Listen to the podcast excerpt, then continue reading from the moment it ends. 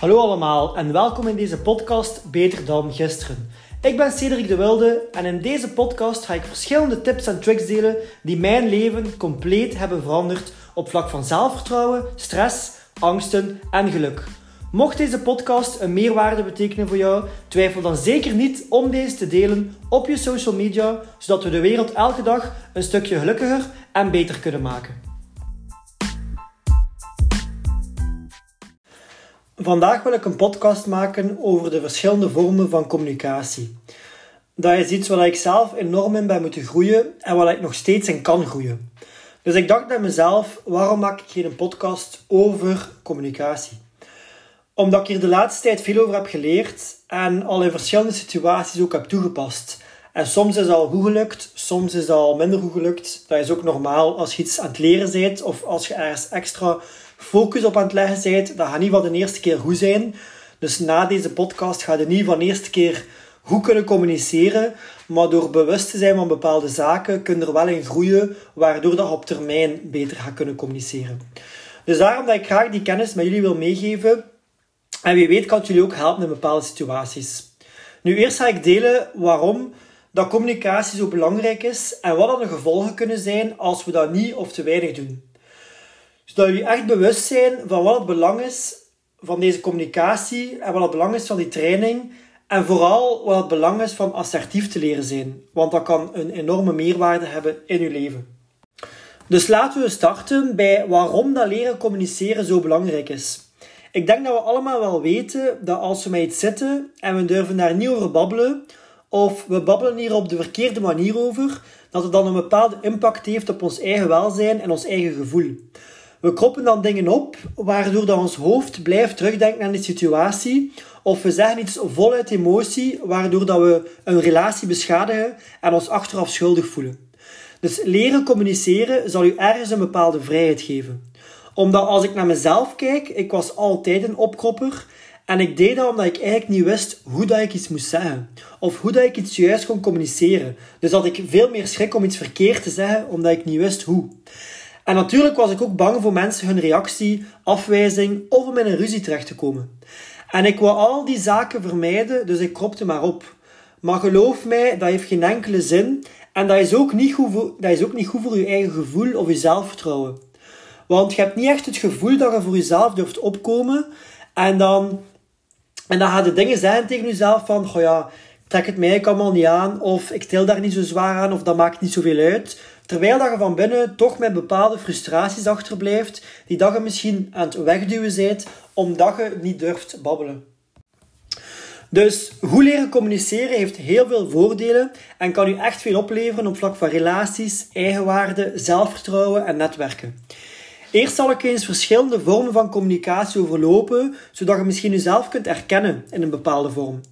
De eerste is passieve communicatie. Dat zijn mensen die opkroppen en niet voor zichzelf durven opkomen.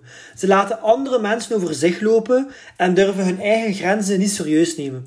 Soms weten passieve communicators ook niet echt wat hun grenzen zijn, of wat hun normen en waarden zijn. Wanneer dat je te lang alles opkropt, zullen in de volgende categorie terechtkomen en dat is passief-agressieve communicatie. Dat wil zeggen dat er bepaalde emoties naar buiten lekken. Dus niet alles komt in één keer naar buiten, maar dat is een klein beetje per keer. Wat gebeurt er dan? Omdat het niet tegen de persoon zelf durft zeggen, begint het te roddelen. Waardoor dat je achteraf meer schade brokkelt dan dat het tegen de persoon zelf zegt. Je kijkt misschien boos naar de persoon. En als de persoon vraagt wat er is, dan zeg je niet zo. Je gaat misschien expres bepaalde dingen gaan doen om subtiel de persoon een slecht gevoel te geven. Of je geeft sarcastische opmerkingen. Dat zorgt ervoor dat de andere persoon niet echt begrijpt wat er echt aan de hand is, omdat die natuurlijk ook je gedachten niet kunnen lezen. En je zorgt er eigenlijk voor dat mensen verhaaltjes beginnen te maken en dat ze misschien volledig iets anders denken dan dat er echt is. Dus misschien herkende u zelf erin en denkt van oké, dat is wel iets waar ik aan kan werken. Nu, belangrijk dat je ook nooit langer dan 24 uur wacht om ergens over te praten. Soms kun je direct praten, maar soms is het beter dat je even wacht. In de volgende soort van communicatie ga ik uitleggen waarom. En dat is agressieve communicatie. Dat wil zeggen dat je gaat praten vanuit emotie. Je zult de persoon waarschijnlijk dan een schuldgevoel geven, heel veel wijzen naar de persoon en heel veel de woorden jij en jou gebruiken. Het is jouw schuld en jij hebt dat gedaan. En dus dat bedoel ik dat je gaat gaan wijzen en dat je niet naar jezelf kijkt, omdat je zo in je emotie zit. En je zult andere mensen proberen overtuigen van je gelijk, zonder dat je rekening houdt met het perspectief en dat je je eigenlijk volledig verliest in je eigen gevoel. Dus er is geen plaats voor wederzijds begrip. Dus iemand die agressieve communicatie gebruikt, reageert heel dominant en vanuit emotie. Misschien ben je zo iemand of misschien ken je zo iemand. Nu, daarom dat ik ook sprak over de 24 uur wachtperiode. Want als jij agressieve communicatie gebruikt en je hebt het gevoel dat er een situatie op je afkomt en dat je gaat reageren vanuit emotie, geef jezelf 24 uur de tijd. Nu, wat kun je gaan doen in die 24 uur? Je kunt de situatie opschrijven. En je kunt kijken welk gevoel dat de situatie je geeft, zonder te oordelen over de andere persoon of zonder te oordelen over de situatie. Door een situatie op papier te zetten of door er met iemand anders over te praten, kunnen een volledig ander beeld krijgen en kunnen een veel beter perspectief krijgen, waardoor dat ook een veel beter gesprek zult hebben. Er is ook een groot verschil tussen roddelen en er met iemand over praten. Roddelen wil zeggen dat je gewoon over de persoon wil praten om andere mensen aan je zijde te krijgen of om die andere persoon ook bij iemand anders slecht te praten.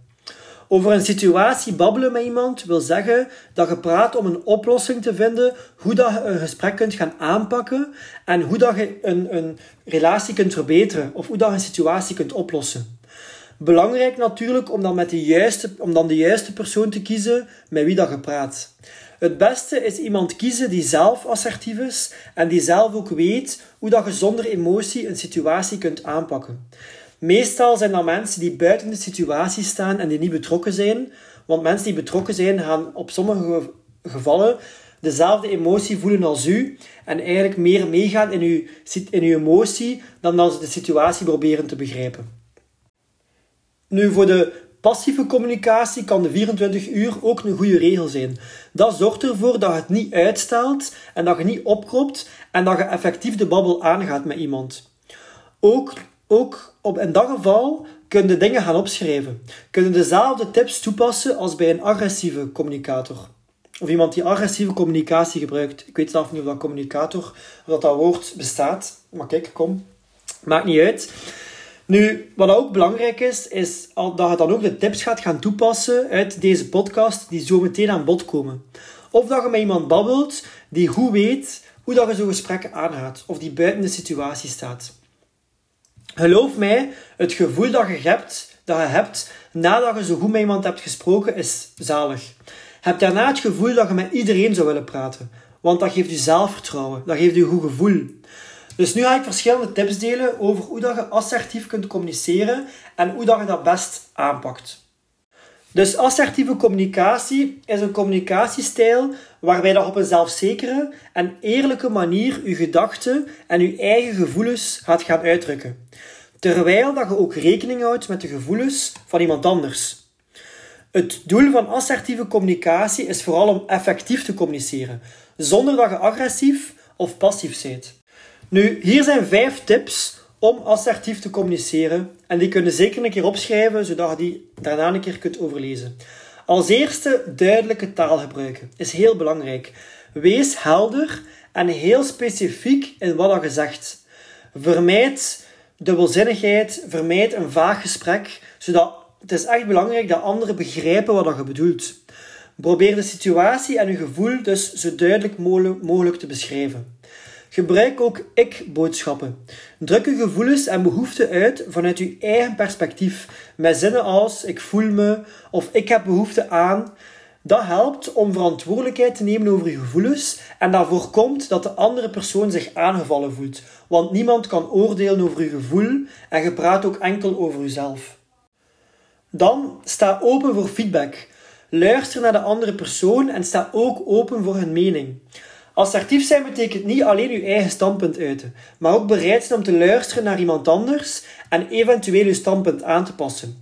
Nu, als jij start met eerst je eigen gevoel te delen en dat jij praat over hoe dat jij je ergens bij voelt, gaat de andere persoon je ook veel beter begrijpen en gaat er veel betere communicatie zijn. Er gaat gewoon langs wederzijdse kanten gaat er veel beter begrip zijn voor elkaar. Wat dat, de, wat dat het gesprek ook echt wel helpt om veel productiever te zijn. Dan natuurlijk ook belangrijk, leer nee zeggen. Het is echt belangrijk om je eigen grenzen te kennen en die ook te durven aangeven. Durf nee zeggen als iets niet haalbaar is of als het niet overeenkomt met je normen, je waarden of je behoeften. Doe dat natuurlijk ook op een respectvolle manier. En dan belangrijk, oefen zelfrespect of geloof in jezelf. Behandel jezelf met respect en verwacht hetzelfde van anderen. Hoe beter dat jij voor jezelf zorgt, hoe meer respect dat je zult hebben voor, je, voor jezelf, hoe meer respect dat je ook zult hebben voor anderen. En hoe, hoe meer respect dan anderen zullen hebben voor u. Dus dat is een soort visieuze cirkel, dan natuurlijk ook start bij jezelf. Dus kom voor jezelf op, zonder anderen te kleineren, te domineren of een slecht gevoel te geven. Nu zal ik ook eens eindigen met twee voorbeeldsituaties, zodat je een keer kunt horen hoe dat je assertief kunt gaan reageren in bepaalde situaties. Het eerste voorbeeld, stel u voor dat een collega regelmatig uw taken overneemt, zonder toestemming te vragen. Wat u ergens frustreert, in plaats van passief te reageren, dus dat je niet zegt en dat je gewoon u in jezelf aan het frustreren bent, of dat je agressief wordt en dat je boos wordt, kun je ook assertief reageren. Je kunt bijvoorbeeld zeggen, ik merk dat de laatste tijd mijn taken worden overgenomen zonder dat we daarover hebben gesproken. Ik vind het belangrijk dat we samenwerken en dat ik mijn verantwoordelijkheid kan nakomen. Laten we alsjeblieft een moment vinden om te overleggen over de verdeling van de taken, zodat we alle, allebei weten waar we aan toe zijn. Dus je hebt gepraat over je eigen gevoel, je hebt gepraat over je eigen behoeften en je hebt ook een oplossing voorgesteld hoe dat je de situatie kunt gaan verbeteren. Een ander voorbeeld. Stel je voor dat je regelmatig overwerkt omdat collega's je hulp inroepen voor, dat, voor hun taken, wat ten koste gaat van je eigen werk. In plaats van passief constant toe te geven en constant ja te zeggen of ineens heel agressief te reageren, kun je hier ook assertief communiceren. Je kunt bijvoorbeeld zeggen: De laatste tijd merk ik dat ik regelmatig betrokken raak bij projecten die niet direct verband houden met mijn eigen taken. Ik waardeer het samenwerken, maar het begint mijn eigen werk te beïnvloeden. Laten we anders een moment nemen om te bespreken hoe dat we die taken beter kunnen verdelen en hoe dat we ervoor kunnen zorgen dat iedereen verantwoordelijk is voor zijn eigen werklast. Op die manier kunnen we allemaal effectiever samenwerken en onze individuele taken voltooien. Dus je ziet, ook hier ga je je grenzen gaan stellen. Ook hier ga je op een heel respectvolle manier gaan communiceren. En ga je vooral ook praten over je eigen gevoel of welk gevoel dat de situatie u geeft. Dus belangrijk om assertief te leren communiceren en vooral ook om je emoties te leren controleren. Want passief is ook ergens je emoties niet kunnen controleren omdat je bang bent voor een reactie of omdat je bang bent wat de persoon van u zou denken.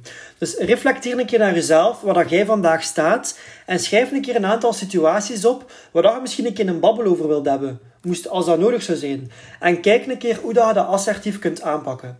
Bedankt om te luisteren en moest deze podcast een meerwaarde zijn, twijfel dan zeker niet om die te delen op je social media. En je mag mij zeker taggen met mijn Instagram profiel Cedric de Wilde en zo kunnen we samen de wereld beter en gelukkiger maken.